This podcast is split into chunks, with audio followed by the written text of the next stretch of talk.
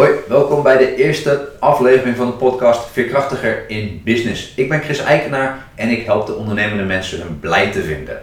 En dat resulteert in meer plezier, meer vrijheid en meer winst.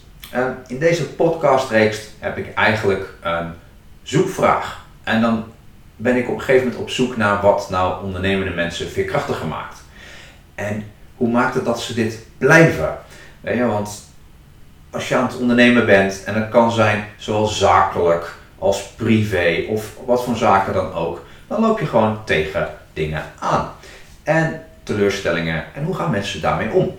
En mijn hypothese daarbij is dat het voornamelijk te maken heeft met doen waar je blij van wordt. En dat heel veel ondernemende mensen die al hun blij hebben gevonden, dat het juist ook al veel krachtig maakt. Wat zijn meerdere elementen die daarbij behoren. Dus dat ga ik dus in deze podcastreeks met uh, leuke interviews uh, met ondernemende mensen uh, ja, uitzoeken.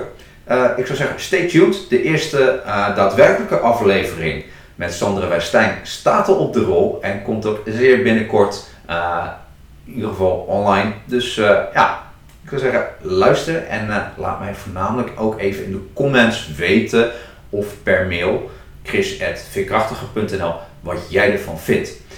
En dan zou ik zeggen, ja, luister. Dankjewel. Hoi.